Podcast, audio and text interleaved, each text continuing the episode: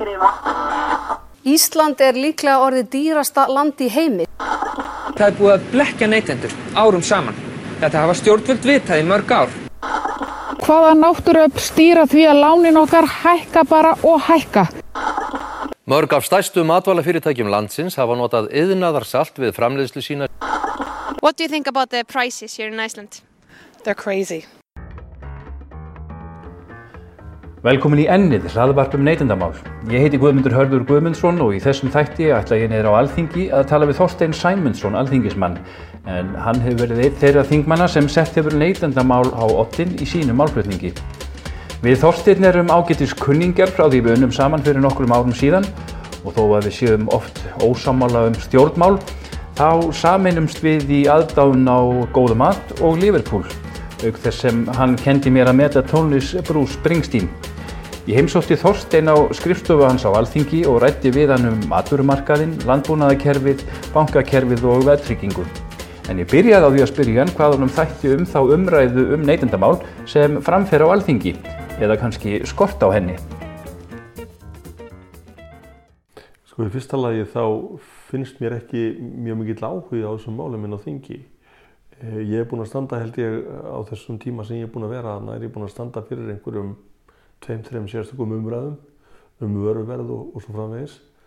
Og uh, þar hafur, hefur svona verið já hvað ég segja, hveðið við kunnulegan tón.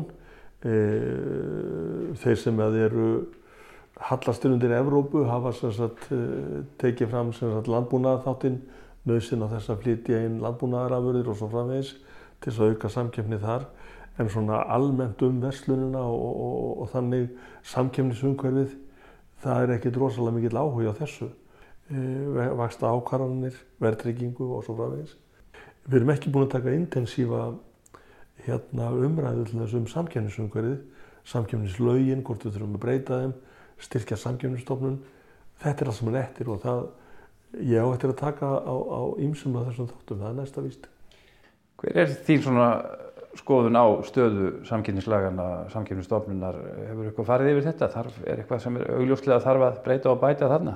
Sko, það ég veit ekki alveg hvað ég segja, hvort, að, hvort við þurfum stóra lagabreitingar. Það er að vísu einn lagabreiting sem ég held að sé mjög nöðsynleg. Það er að taka á því sem er kallaði skildir aðilar. Lífeyrissjóður í Íslandi eiga yfir 50% af öllum skráðum félagum. Ef við tökum lífeyrissjóður pakkan eða hópinn saman, þá eiga þeir 50,1% í högum til dæmis.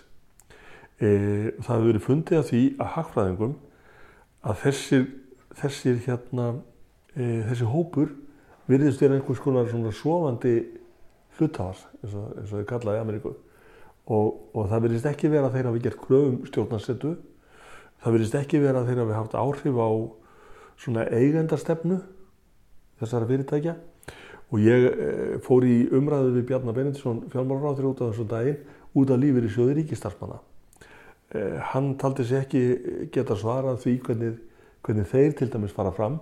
Þeir eru að til dæmis segja maður rétt 10% í högum, 13% í HB Granda og, og svo framvegs og, og hérna taldi sér ekki geta svarað því að því þetta væri sér aðili en bent á það að það væri hægt að kalla fulltrúa sjóðsins fyrir þingnemnd og ég er núna að vinna að því. E, orginalt held ég að þeir, þeir myndu mæta fyrir stjórnskipunar og eftirlýstemnd þar sem ég á sæti en það er ekki. Þannig að ég vænti þess að efnaðs- og viðskiptarnefnd muni kalla fulltrúa sjóðsins fyrir og spyrja þá akkurat þessara spurninga. Nú við vitum það að þessi fyrirtæki sem að lífeyrissjóðunir eiga í þetta eru oft fyrirtæki sem er að greiða allir stjórnendur sínum alveg gríðarlega laun sem dæmum haga allir fórstjórnir þar eða toppandi þar séu ekki mjög náttúrulega 100 miljónum ári í laun pluss bónusar. Og, og hérna horfður svo á bara þann sem vinnur á golfi held að það sé ekki svona 20 falt mætti segja með það. Og ég orðaði það þannig í grein fyrir nokkrum árum að í sjálfu sig værum við núna neytendur að borga okkar eigin líferi með því að greiða ofhátt vöruverð til þess að lífeyrissjóðurinn hagnast og geti borgað okkur út lífeyri í framtíðinni. Það væri sjálf sem miklu betra fyrir okkur bara að geta lagt í sérignarsjóð og gengið að lágu, lágu vöruverði, ekki satt. En er hagnaður þessara uh, félaga, segjum eins og Haga og þessara, reka, þessara félaga sem reyka þessar stóru veslanir Er, er hann óeðlugur? Hefur þú skoðað það? Mér var einhvern tíðan bent á að hann væri víðs fjarrri því sem gerist um verslunarfyrirtæki til dæmis í Ameríku svona á dagurumarkaði og eitt er það, sko Hagar voru náttúrulega endurskipulaðir í, í kjálfarfröðuns og þar uh, hörfu uh, úr, út úr, út úr hérna jöfnunni einhverju 40 miljardar sem voru afskrifaðir. Síðan voru þeir endurreistir. Þegar ég skoðaði ársækningarna þeirra síðast sem verið svona fyrir svona tveimur árum síðan sem ég gömgeði virkilega. Þá voru þeir búinir á einhverjum átta árum að borga upp nánast alla, lang, alla langtímaskuldir á átta árum. Þannig að afkomaður hefur verið rífandi góð. Hún hefur verið ef ég maður rétt einhverju svona fjóri miljardar í, í, í hagnaða ári nokkur undanfannin ár. Svona miljardar ásfjörungi ég gaggrindi þá líka mjög þá til þess þá og fleiri í kjölfarið á McKinsey skýslunum um verslun sem hefur í sjálfsvegar aldrei almenlega komist á dagskrá að ræða á Íslandi. Ég er rétt svona tæft á henni hérna inn á þingi. Og þar sögðu menn, sko við erum með 80% meiri, meira húsnaðundi verslun heldur en Danir, fermetrar á mann. Og verslanir í Danmörku eru bara takk kærlega mjög fínar sko. Ég er þar þessar ári og búin að fylgjast með því í 15 ár, þannig að þannig að ég veit alveg svona hvernig þróun hefur verið hjá þeim. Ég gaggrindi líka uh, langan opnunatíma eða afgjörðstíma og, og ég stend á því hann er alveg öruglega þáttur í því að veru verið hátt. Því tilkomu Costco þá byrjuði menn að taka til hjá sér. Og uh, hagar til dæmis minguði verslanir sínar og, og skiptu út og ég veit ekki hvað og ég veit ekki hvað. Og, og hérna til þess að gera sér klára og hugsaði mér ok, fínt, þetta lítur þá að koma koma fram í, í læra vöruverði en ég hef svo sem ekki gert vísindalega konun á því hvort að það hafi gerst. En hins vegar er innkoma Costco á þennan markað. Sko þeir kveitubrúðstafar eru búnir svo allra sangjöndis ekki ætt þá er Costco ennþá leiðandi í olí og bensínverði sem er mjög gott. Þar munar verulegum uh, upphæðum. Ég held að það sé 30 kall á lítir eða eitthvað cirka uh, þannig að, að hérna, það er út af fyrir þessu gott. Hreinlætisvara ímisleg þeir kom inn með hreinlætisvöru sér þau mjög ódýra. E, bara pappirsvöru e, sem við notum eldúspappir og eitthvað svona þetta var eitthvað sem hefði ekki, ekki, ekki kannski verið í vístölunni þannig að menn hefði verið með þetta alveg gríðarlega hátt. Þannig að þetta kom hann að látt inn. Og mér sýnist einhvern veginn óvísindalegt líka að þetta hefði haldist hjá þeim. Er á móti matvanan sem þeir komið með ódýra eins saman með græmiti það er búið að hækka um bara ég veit ekki hvað síðan þeir komin að markað. Bara eitt dæmi að því að ég fór í fíl út í þá sko þeir byrjaði því að selja kíló á sveppum á 500 kall ég held að hans sé í 900 kalli núna En þeir hafi þá komið inn á markaðin og verið að niðugreiða vöruna eða hvernig stend, heldur það standi á þessari miklu voru hækkun hér? Sko þetta hefur nú örgulega verið svona eh, lokkuna tilbóð sko skiljanlega en, en hérna en ég held að þeir, þeir eru ekki svarið við því sem við þurfum á maturumarkaðin. En hvert er svarið? Ég held að eina, eina vonin okkar um alvöru samkjöfnið þannig sé að flytja inn að það komið hinga keðja eins og Aldi, Fötex, einhverjar, einhverjar til dæmis eins og, eins og þýsku keðjurnar, Lidl, að þessar keðjur komið hingað og reysti upp sko.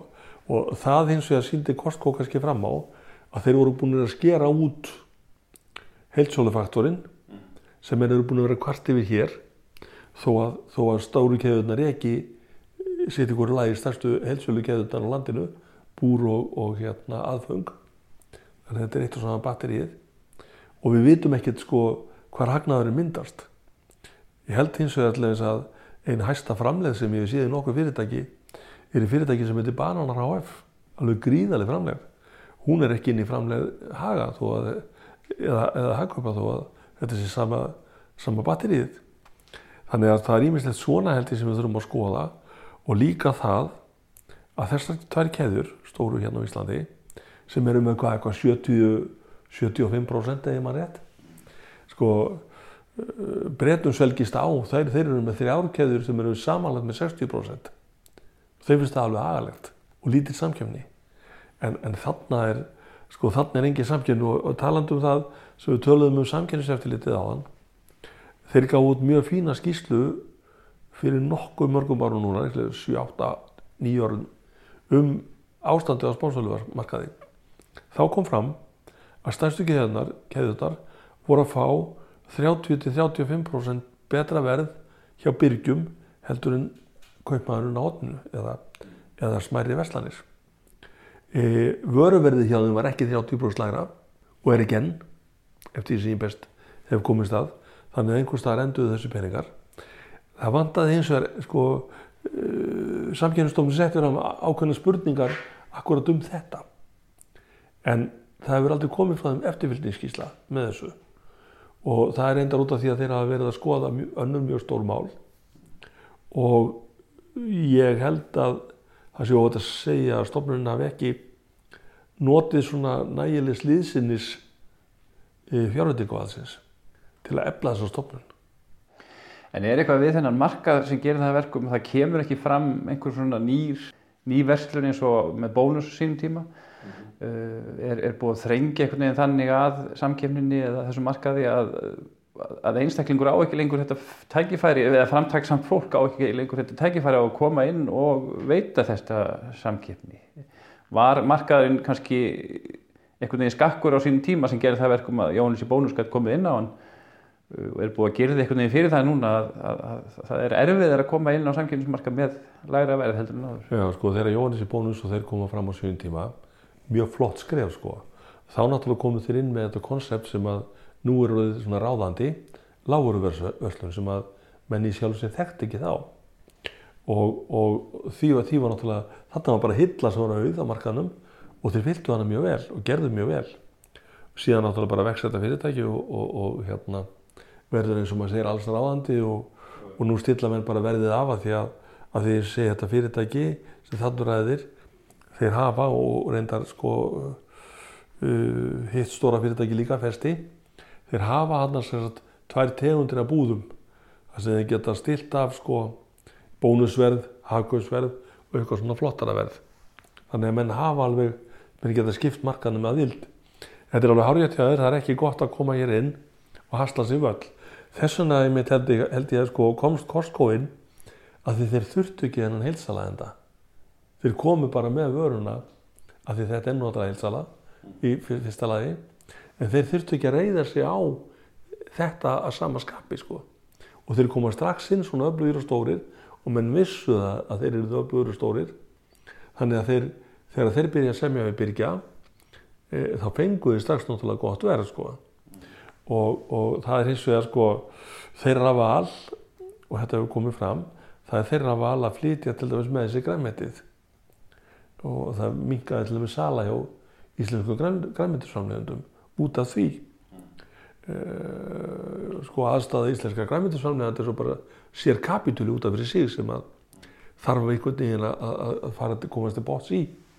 Þess að sko síðast er í vissi og ég held að þetta sé óbreytt þá var sko þá var kílóvatstund til grænmætisbænda í Hollandi ódýrari heldur á Íslandi. Framlegð með kólum, olíu, kjartorku eða whatever og, og hérna og þetta finnst mér ég held að þarna séu mjög stór tækjafæri fyrir okkur til þess bæðið að breyður framleyslinni og, og, fá læra verð En þá komum við að þessu sem að margir tala um sem svona helsta óvinn íslenska neytanda, það er íslenska það er landbúnaðarkerfið. Það, því er jafnan kent um hátt matvælaverð og, og svo framvegis. Tollar, vendatollar og, og, og allt sem því fylgir. Hérna, hver er svona þín skoðan á því? Sko, í fyrsta lagi þá er íslensku landbúnaðar að keppa við niðugreiða landbúnaðar, annar staðar í Evrópu. E, og það er ekkert land sem ég veit um nema hvað Nýja Sjálfland líka sem er ekki að styrkja sín landbúnað með einhverjum hætti. Þannig að, að ef að minn halda að það sé hægt að, að stryka þetta út með einu pennastriki, allar stuðning við landbúnað, auðvitað er hægt ef við viljum leggja niður, en, en ef hann á að vera í samkjöfni við, við sko, þetta er stærsti einstaki útgjaldadáttur Európa-sambansins, eru styrkið til landbúnaðar. Európa-sambandi hins vegar gerir þetta öðruvísi heldur en við. Þeir eru með þetta svona í einu skíi eða bublu og þú getur ekki fest hend á það hvað þeir eru að styrkja á hverjum staðaskiluru. Svo koma að vísu til sko, það koma að vísu til sko staðbundi styrkir samanbyrð núna í Danmörku þegar hérna lokaðist fyrir mjölkur útflutning til og svínakjöts útflutnings til Rúslands. Dönsk stjórnvöld kom inn í það mála alveg ettur og dýr. Þannig að þetta er, þetta er staðan, við erum að keppa við þetta. Plús það að við erum náttúrulega e, nákvæmlega eins og Vestlunni segir, þetta er lítill markaður, það er ekki að hafa sömu hafkvæmni í rekstrið. Þetta er líka við um landbúnaðin. Þráttur það er búin að verða alveg gríðaleg framleiðinni aukning í landbúnaði. Sko, húabændum hefur fækkað dramatíst. Ég held að þessu bara e, fjöldin sé helmingaður miða við það sem ára bara fyrir einhverjum 15 árum framleystan er meiri. Það kom fram á sínu tíma í skýrstu frá Hagfræðistofnun að einmitt þessi einókun og, og fjárvera stærsta mjölkurframleðandans frá, frá samkjöfnis hérna lögum, hún hefði haldið nýri vöruverði á mjölk og mjölkuvörum. Það er eins og er eitt faktorinn í því þegar menn er að segja sko mjölkuvörur og hafa hækka meira núna undanfarna mánuði heldur en önnur vara. Hvar er svo hækkun? Hún er ekki til bænda, fyrsta lagi. Hún er til millilega einhverju leiti en hún liggur líka hjá Vestluninni á stórum hluta. Á síðasta hausti þau söðfjárafurðir verða á þeim til bænda var lækkað um 29,3%. Sumstaðar held ég nýri 25 en allt í lagi. Árið áður um 10%. Lambalæri sem ég er að kaupa út í búð kostar ennþá 1000-1300 kílóið. Þannig ég er að velta fyrir mér hvert fóruð þessi 30%. En, en, en auðvitað er þetta kerfi í sjálfum sér sofandi risi og, og það sem ég held að sé að í þessu er það að bændur sjálfur hafa ekki nógu mikið um það að segja þetta kerfi. Og það er mikið til núna ungum bændum veit ég sem eru reyndar í mjög erfiðri stöðu því það skulda mikið og eru svona já ég er viðlegum að komast yfir sína fjárfestingar og svo leiðis en þeir eru mjög opnir fyrir tækjafærum og mjög opnir fyrir því að gera eitthvað svona e, nýtt. E, það er eins og það sko svona það ekki dæmi á Costco áhrifunum þar skera menn kjöta breskum hætti. Kótilettur eru þykkari og, og menn eru með svona fína steikur og læri. Þetta hafði engum Íslendingi dottið í hug að gera í, í 50 ár. Þannig að sko það, þú veist vöru þróunin hún hefur ekki alveg fyllt. Og síðan er annað að, að hérna ég held að þetta sé núna hvað ég segja, einhver landlæg minnumáttu kend alveg frá bóndanum og til markasmanna og alveg við til neytenda. Uh, að sko íslensku landbúnaður sé bara svo púkó og þetta sé svo hallarislegt að það sé ekki neitt við þetta að gera. Þá kemur einn aðeins fram og breytir þessu. Það er fórstjóri íkja hann er að selja 150.000 skamta af lambakjöti ári. Við erum að framlega hérna hákjæða vöru. Það eh, fer enginn fram hjá því. Hún er, hún er, hún er mjög vel sett varðandi síklarlífjarnátkun. Við erum þess mjög stránga reglur í, í hérna alifuglaræktinni. Ef það kemur upp til dæmis sko salmonellu grunur í, í svona hópi sem er slátrað, þá er honum fargað. Í Danmörku er svoleiðis hópur fristur, þar að segja götið, og settur á markað. Þannig að við erum að taka miklu minni sjensa hér heldur við annar staðar. Vörðuna sem við erum að flytja inn hins vegar virðast vera keiftar á dansmarkaði. Að, og, og þetta nú stendur upp á okkur, okkur vantar uppruna merkingar innanlands. Og meðan okkur vantar þær, þá getum við ekki krafist þess að þeir sem flytja inn séu með góða upprunamerkingu. Við erum til þess að flytja mikið að svíni frá Spáni. Spánverðar eru einna, einna gladasti manna við að nota síklarlif og síðan erum við líka að keppa við annað sem við vitum ekkert enda á. Að, að til dæmis grís sem er fættur í Finnlandi, hann er jáfnvel fluttur mjög ungur á haga í Pólandi. Hún er með slátraði í Þískalandi. Hann er fluttur aftur til Finnlands og er þá með finnst veðabref þannig að þú veist uppbrunnin er, er, er mjög hérna torsóttur að finna út úr. Kjúklingar sem við kaupum að dörnum þeir geta alveg verið frá Argentínu eða Tælandi. Ef þeir eru frá Tælandi þá eru, þá eru náttúrulega fyrsta lagi dýrin við alltaf aðstæður heldur en hér. Og, og í, í, í, í hérna, fyrðurfugla hérna, innaði Tælandi er grunnur um að vinni hérna, þrælar frá Börba og þá hljóttum við að spyrja okkur líka þú veist, er okkur alveg sama hvernig matvælinn sem við ætlum að flytja inn eru framleitt bara ef þau eru ódýr? Og nú erum við tekað fram það hefur, það hefur hérna hafa komið upp mál á Íslandi þar sem hefur verið borgað undir, undir laun til ellendaverkamanna sem þarf að sjálfsögða að taka á. En, en þetta þurfum við alltaf að hafa í huga. Og nýlegt dæmi sem að slær mér mjög og ég á þetta að kanna frekar það var frétt hjá Ríkisúttarpinni fyrra eða, eða svona skýring um það að rúmenskar konur voru fluttar til síkilegar til að vinna uppskerustörf og voru síðan misnótaði kynferðislega. Og þær gáttu, ekkert gert í þessu þær er algjörlega undir hælnum á, á þeim sem veitir þeim þessa vinnu. Og þegar þeir voru reynda spurðir þegar þetta kom upp þá voru þessi framleiðandi spurðir hversin í óskubónum verði að misnóta hér konur frá Rúmeníu í, í þessu skinni og þeir sögðu, já ef við erum ekki með ódýrt vinnuafl þá verður græmyndi okkar á dýrst og nú viljum við flytja inn ódýrt græmyndi svona úr Európu og þá segi ég aftur, og ég er ekki þetta alhæfum með þetta sér svona allstaðar en ég vil bara að þessi kannaf af því að ég held að við þurfum að spyrja okkur þú veist, viljum við kaupa e, ódýra vöru þessu verði? Þetta er vissulega umræða sem, að, sem að þarf að fara fram leiðu við förum að flytja meira inn.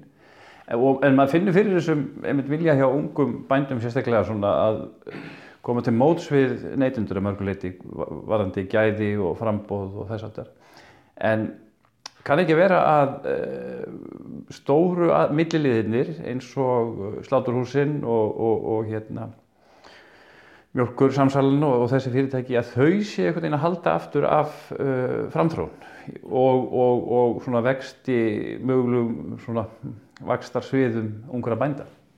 Uh, sko, nú er það þannig til dæmis í, í, í hérna, tilfelli mjölkursamsalunar ég tek að skýrt fram að ég er ekki verið að það fyrirtæki eða þeirra gerðir á einn eða einn annan átt að þeir hafa, þeim eru skamtaður hagnaður í gegnum vel, velandinga kerfið og hagnaðinu þeirra já ég held að kaupminn er ekki ánaði með hann til dæmis. Þeir eru virðast eins og búin að, að láta við þessari hegðun að nýðast á smáframleðendum og, og ég vona að það sé komið til með að vera að þeir séu búin að sjá það að fleiri framleðendur koma með bara víðari flóra á markaðinn svo arna, laktósafrít og allt þetta sem að eflir markaðinn hvort sem er. Og við sjáum þetta allstaðar ég, hérna, Við sjáum þetta til dæmis í veitingageiranum.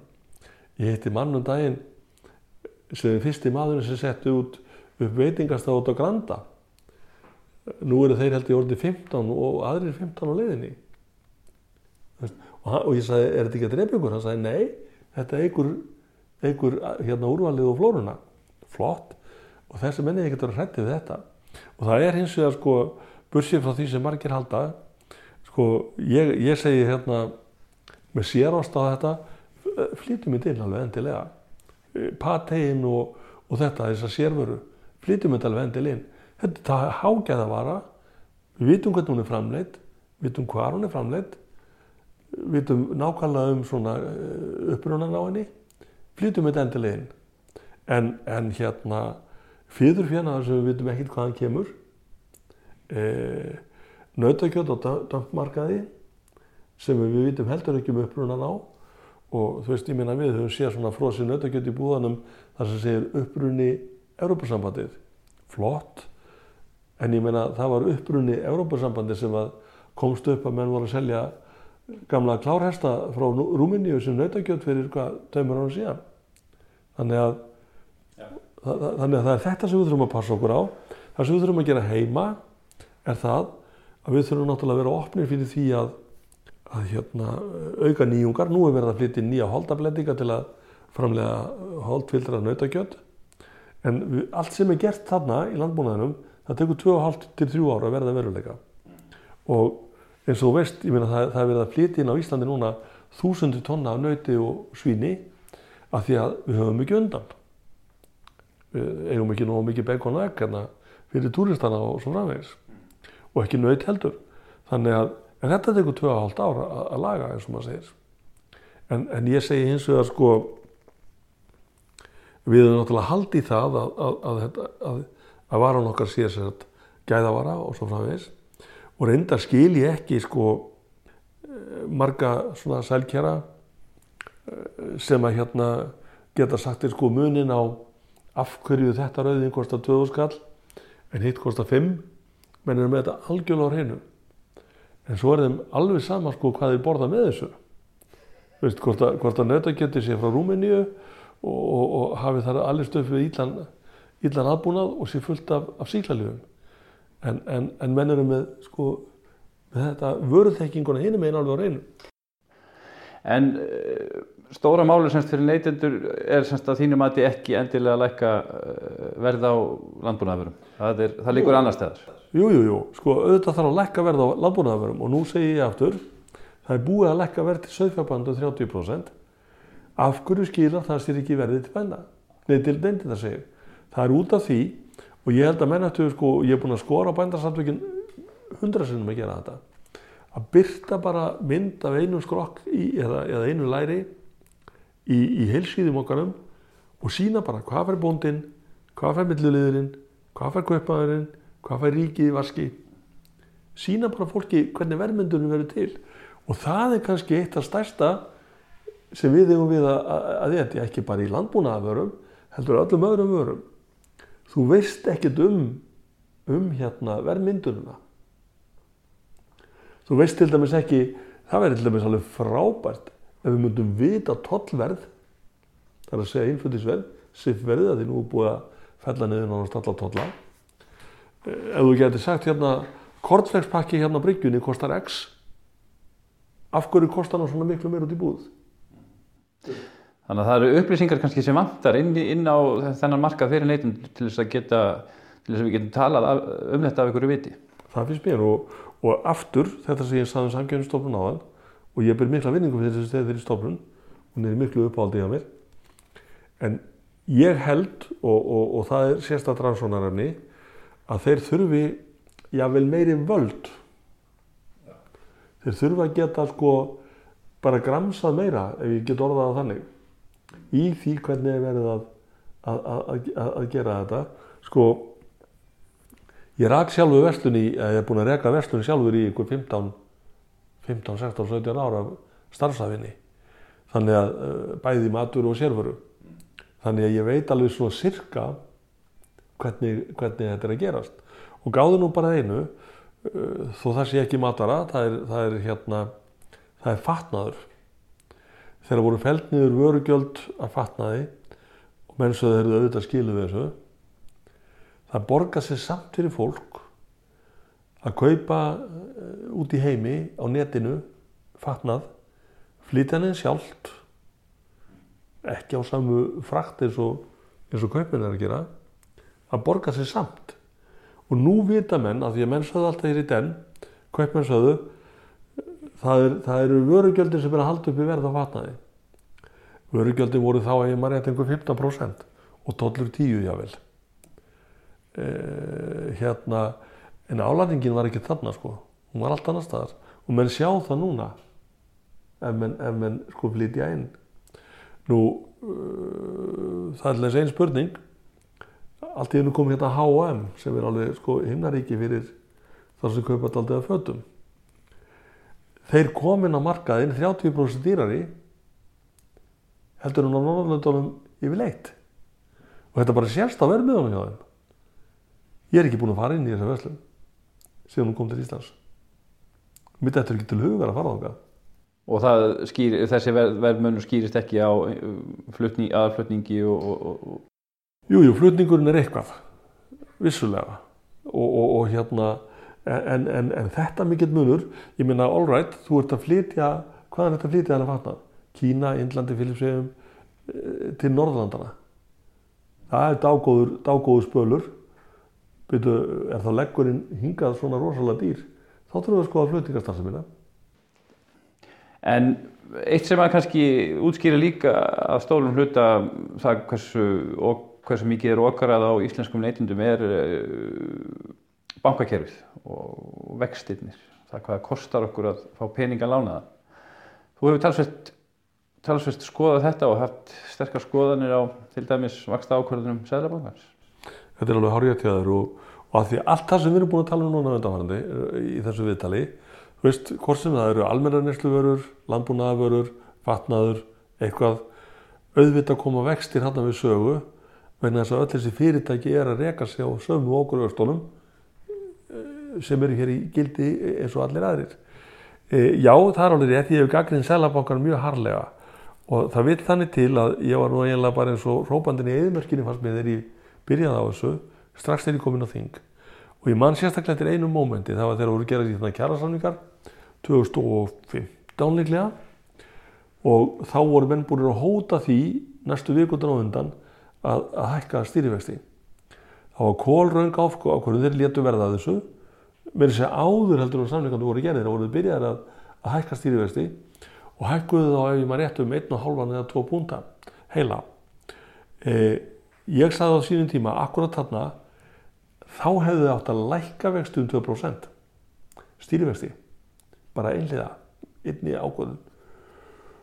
Menn er að stæra segði núna út í Sælabanka þeir séu búin að lækka vextina. Þeir eru búin að koma þeim honni í sömu prosentu og þeir voru í júni 2015 þegar þeir byrjuði að hækka í óðagoti eins og ég sagði þá út af kjærasamningunum og ég því miður hef ekki geta fengið menn til þess með mér að þetta er mjög erfitt að búa til líkan og það hvað hefði gerst á Íslandi bara allstaðar ef að þessi 2% hefðu vestendin hefði lekkað um þessi 2% 2015 við værim öruglega ekki í sömu vandræði með krónun og áður. Við erum öruglega með læra vöruverð, við erum klárlega með læra fasteinaverð og, og svo framvegis. Þetta hefði haft áhrif allstaðar. Og núna vil svo til, í fyrsta lagi þá eru ýmsir málsmetandi hagfræðingar sem kunna þessi mál miklu, miklu betur heldur en ég nokkur tíman. Ég get nefnt eitt dæmi, Dr. Ólaður Margeirsson, Marino Njálsson, Friðrik Jónsson. Allir þessi menn er á sömu skoðun og ég hef búin að halda fram alla þennan tíma og ég hef leitað í smiðju til þessara manna sem betur fer hafaði leift mér að gera það að þeir eru nákvæmlega sammála mér um það að þessi vaksnastefna sem er hérna hjá Sælabankanum hún er algjörlega galinn hagnaður í Íslensku bankana hann nefnur 5% af þjóðarfræðnislu í bandaríkjónum er þetta hlutfall 0,88 og bara, bara þjónustugjöldin sem bankandi leggja á fyrir utan vakstafokrið. Ég tók það saman hvað það hefði verið mikið núna undanfarið held í fimm ár. Upphæðin voru sko 20 miljardar og ef þú lest sko verðskapbankana, þú veist ljósið 550 krónur, ef ég myndi, ef ég myndi gefa í næstur og stóramæli gafabrif, svona banka, bankakort, ef þú vilt taka þetta út í peningum, bara segjum 20 skall eða eitthvað, þá þetta borga bankanum fyrir að rétta þér þessa peninga. Einhver þrjú eða 500 kall og ef þú ert þannig settur og þú kemst ekki akkurat í viðskiptabankaðin til að taka út amáliðskjöfuna frá mér þá ættu að borga 1500 kall fyrir að taka út peninga sem þú átt og fá það bara í hendunar þetta er svo gjörsanlega galið Ég held að sé, það er ekki umhverfið, það er okrað á, á viðskiptafinu bankana með alls, allskynns gjöldum og, og, og, og þóknunum. Hvernig, nú hefur maður haldið til dæmis að Evrópulögjöfin eh, tæki einhvern veginn á þessu, kemur veg fyrir þetta, eh, hún gerur hún það ekki? Nú hef ég ekki alveg gömgjaft það til þess að ég geta sagt þér einhverja, vitrannar skoðun á því. Það er hins vegar annars sem ég get sagt þér okkur og við höfum verið í megnustu vandraðum að koma böndum og ímislegt í þessu kerfi samanbyrð bara smálana fyrirtæki. Við breytum lögum með þau held ég tvísar og síðastu, þar síðastu kjörtíðanbili menn hoppuðu samt upp úr, úr snörunni. Já, voru sett lög með það markmiði að takmarka þennan rekstur, komið væg fyrir hann í rauninni. Og komunum undir reglur og svo framvegis. Og, og, og, og gæta því að, að þessi hérna, að, að hérna þessi hlutvarstala kostnæðar væri innan einhverja marka. Og þá fundu menn það út að, að þeir hérna þóttust þeir að selja fólki eitthvað líka um leið og þau tóku lán. Bók eða ég veit ekki hvað það var Já, þá, þá fengu þeir hennan pening en ég held að bókin hafa aldrei skipt um eigundur eða hendur þannig að sko, og nú er þessi fyrirtæki til dæmis komið mikið í ellenda eigu þannig að auðvitað þurfum við að þarna þurfum við að vanda okkur hérna á þingi Kæri hlustandi, þú ert að hlýða á ennið hlaðvarpum neytundamál. Þið getið gerst áskrifendur af hlaðvarpinu á iTunes og öllum betri hlaðvarpsveitum. Eins getur þú skráðið á postlista á síðunni minni guðmundurhörður.is og fengið ný hlaðvörp og bloggpistla beint í posthólfið. En höldum áfram með spjallið. Ég spurði Þorstein að því hvernig ríkið geti nýtt egg sína á landsbankanum til að bæta hag neytunda.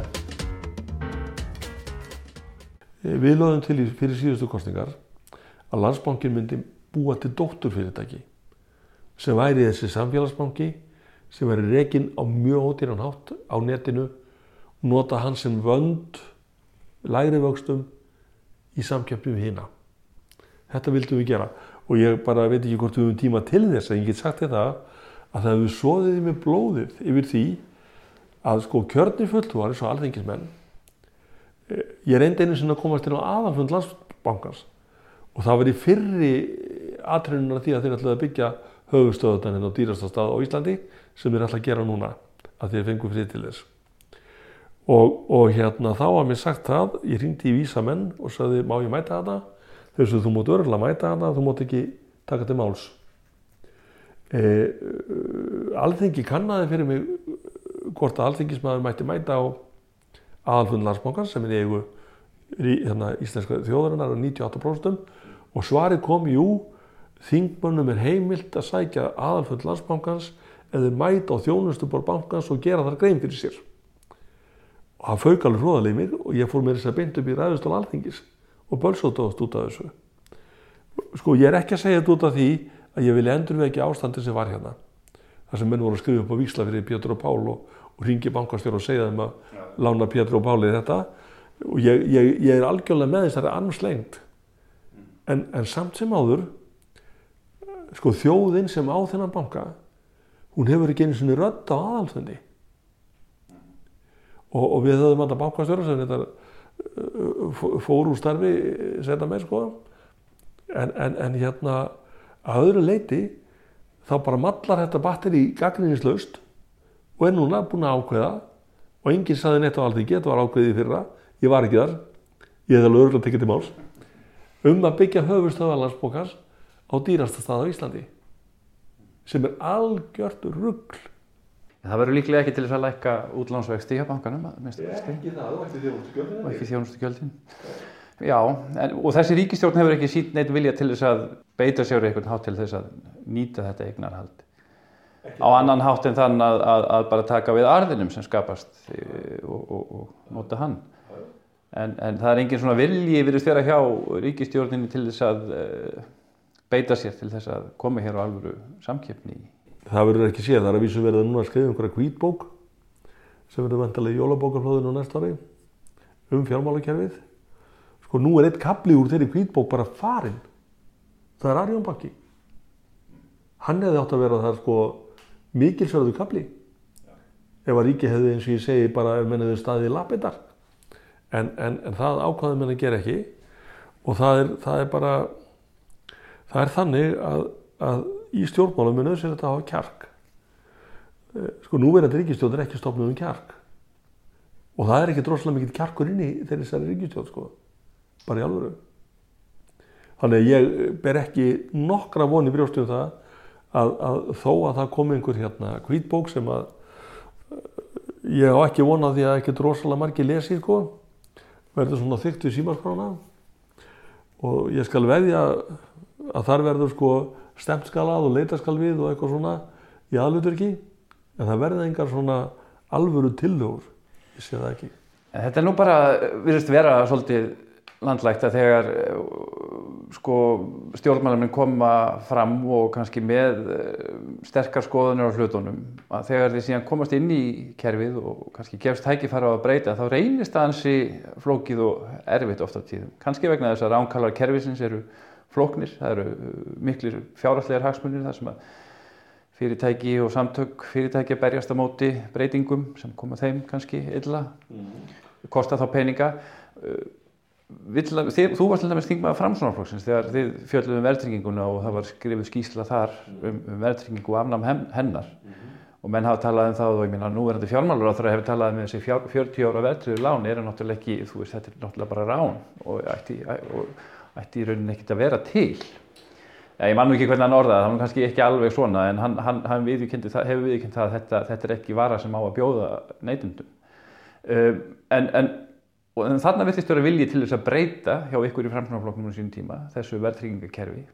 En ykkur tókst það ekki. Nei, sko, við fengum þetta inn í stjórnarsáttmálan. Eh, Þegar leið fram á árið 2016 þá var það alveg ljóst að þeir sem voru með okkur í ríkistjórn höfðu engan áhuga á þessu máli. Nú síðan varð kjörtíðanbilið árið stittra heldur en til stóð og, og hérna ég er er ekki að lofa því að eitthvað hefði gerst í þessu máli akkurat á þeim mánuðum en við hefðum þá allavega haft svigrún til þess. E, það fólk sem að nú skipar svona fórustursveit miðflóksins var kannski það fólk sem var í farabróti akkurat fyrir þessari baráttu. E, við erum búin að leggja fram frumvarp um að húsnæðistáttur fara út úr vístölu sem fyrsta skref. Ef þetta hefði verið gert í mars í fyrra þá hefði það muna lántakundur, heimili og fyrirtæki í landinu 50 miljardum milli árana 2017 og 18.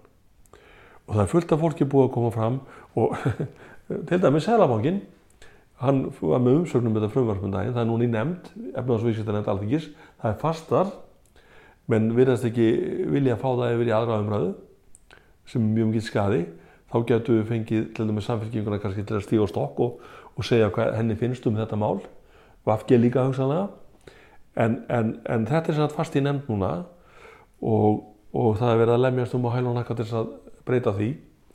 En auðvitað er það þannig að því þú nefndir þessu 40 ára lán. Sko, ég er ekki búin að skipta um skoðun frá því 2013 þegar ég var í. Þá saði ég það að það væri ekki hægt að bjóða ungu fólki upp á það, kannski 30, að því nú er nýkaupa aldurinn þar að segja sá sem er að kaupa fyrstu íbúð, hann er 32 ára meðaldali.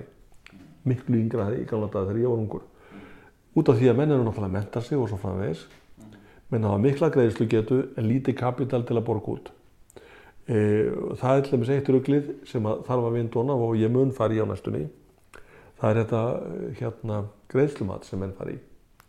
Við erum kannski með tvær fyrirvinnur, báðar háskólamentaðar, með aldrei að námslánum á bækinu, lítið kapital, mikið laun. Er að borga 300 skall í leigu, ætla að kaupa þér hús þar sem það þarf að borga 300 skall á mánuði í lán, afborganir. Og bankandi segir nei, þið hafið ekki greiðslu getu. Þetta er náttúrulega engin framkoma og það er engin framkoma að segja við fólk sem kemur úr námi 30 ára gamalt og segja, heyrðu, nú ætlum ég að lána þér hérna lán til 40 ára eh, með verðingu. Þú mun borga það fjóru sinnum á lánstímanum áður en að þú eignast húsið þitt. Þá er það 70 ára fyrir eftirlun. Þetta er æfisaðan. Þetta er náttúrulega, þetta er náttúrulega, við fáum ekki fólk til þess sem býr alvegndis, við búum að menta sig, fáum það ekki heim út af þessu til dæmis. Og bara, maður veit það til dæmis eins og í Danmörku, ef þú ert með svona ekkert sérstakka útborgun í húsi, þá færður svona 2,5% overtrykt. Og bara, það er verðbólka í Danmörku, sko. Það er bara ekkert, er, hún er bara ekkert elda þetta. Og, og ég hef sagt það líka og, og miðflokkurinn stendur á því að við eigum að setja þak á vexti og óvertiða vexti til íbúðaukaupa. Og eins og veist, bankandir hafa verið að bjóða núna óvertrið lán til fastinakaupa. Vextinir eru fastir í þrjú ár. Ég myndi aldrei breyta mínum skuldum upp á eitthvað span í þrjú ár. Myndi aldrei gera það ég væri eins og segja, til ég að segja bjóðum þau bjóðum þetta í tíu ár og setjum hámark á þessu vexti segjum bara, svo ég nefni eina tölu hámark vaksta til að kaupa húsnaði overtrykt 5% það ætti náttúrulega að vera að læra við getum satt 5% það væri svo eins og það er undir þeim sem stjórna hagkerfinu stjórnvöldum, alþengi að halda hagkerfinu í, í því horfi að þessi 5% degðu og ég segi líka ef þetta væri 10 ára span og ef vextinnir eruðu neikvæði síðustu tvö árin þá bara verður það svo. Af því að það þarf að gera alvöru kröfu til manna um að halda hér hagstjórnum það er engin vandi að vinna út í Sæðlabanka með 5,5% stýrivexti sem þekkist hverki í heiminum. Þetta er náttúrulega galið. Þetta er algjörlega galið. Og svo erum við með annan ánga fjármálakerfinu þar sem er lífriðsjöðakerfið með ávöxtunarkröfu á 3,5% það þekkist ekki. Hún gæti þess að vera 0% fyrir utan það að þeir eru að fjárfæst ellendi sem það eru að saga. En, en, en allt þetta samanlagt það verður að ráðast að þessu kerfi öll í einu. En það verður að byrja sko, hvar, hvar höfum við völd stjórnmálamenninir jú við höfum eitthvað vald á því hvernig Sælabanki Íslands starfar.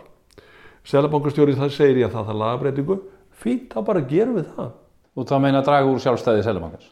Nei, ég er að, ég er að tala um að, að Sælabankin fái, hann segir við höfum allt að fá vop út af, út af þessari verðból, hérna, verðbólgumarkmiðstýringu og þá segir maður bara, heyrðu fínt, þá bara fáið það sem þurfið, auka bindiskildu og svo framvegis og gáða því hvað þetta háa vakstastíðar að gera.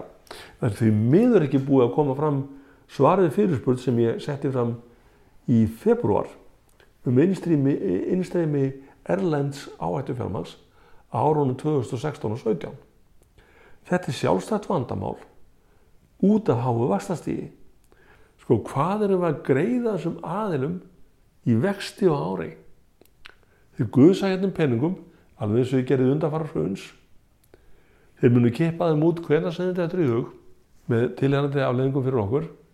Þú veist, heldur þessu ekki fyrir Íslandi, fyrir ellenda fjárfesti að taka lán eins og í Þískalandi mínus 0,5 þessuna komið hingað í 5,5-6 þetta er náttúrulega bara eins og að lifa í ævintralandi meðan að krónunni þokkalega stöðu hún er búin að vera styrkjast og allt þetta. Og það er svo sem engi sérstök teikn ég meina ok, olíu verða þess að hekka en það er engi sérstök teikn um það að, að, að þetta, þetta breytist mikið hjá okkur.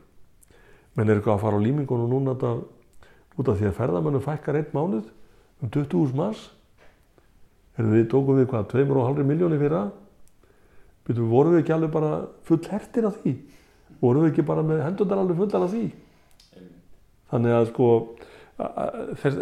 þetta vakst á okkur er í sjálfu sér undirstaðan að öllu því sem við rættum áður.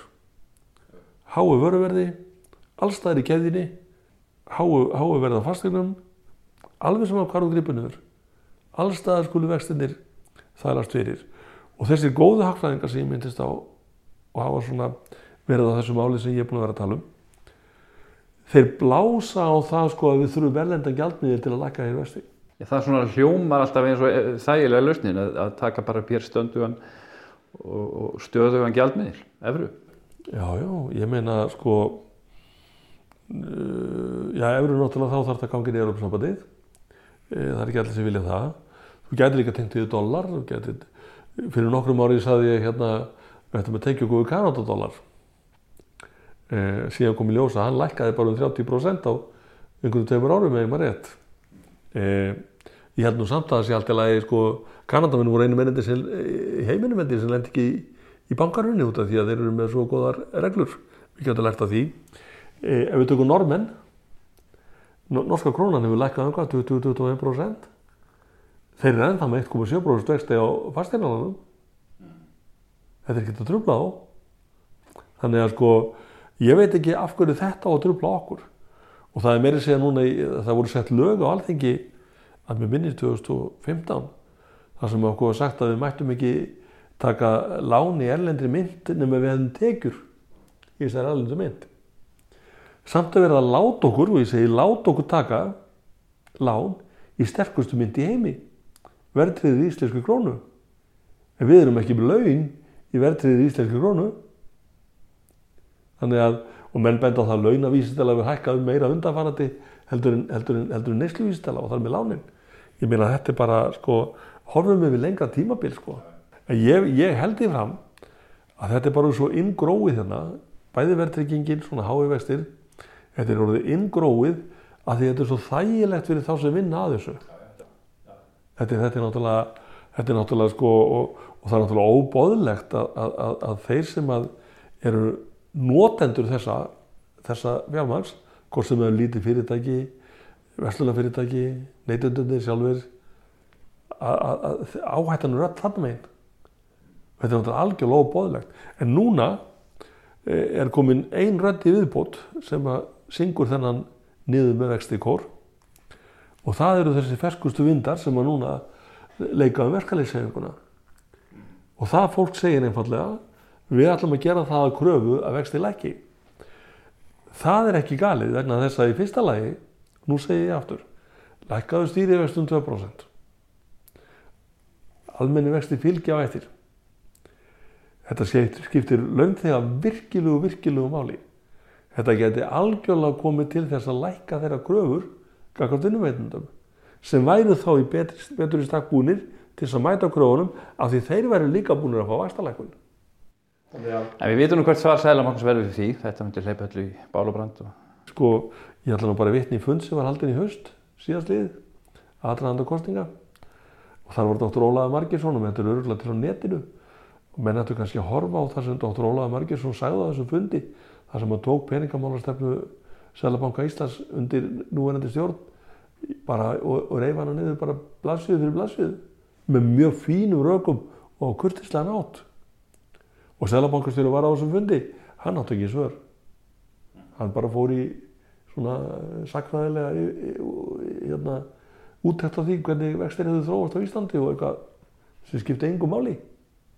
Þannig að það, þetta er alveg hægt en, en sko það er mjög margir búin að segja og það er alveg rétt að fyrir einhvern sem sest á þing þá gerast allir svona hlutir alveg ógeðslega hægt og maður rýfur hársitt á stundum sko yfir því að, að sko, nú segi ég aftur ég er búin að vera að ræða vexti og verðlæningu í fimm ár.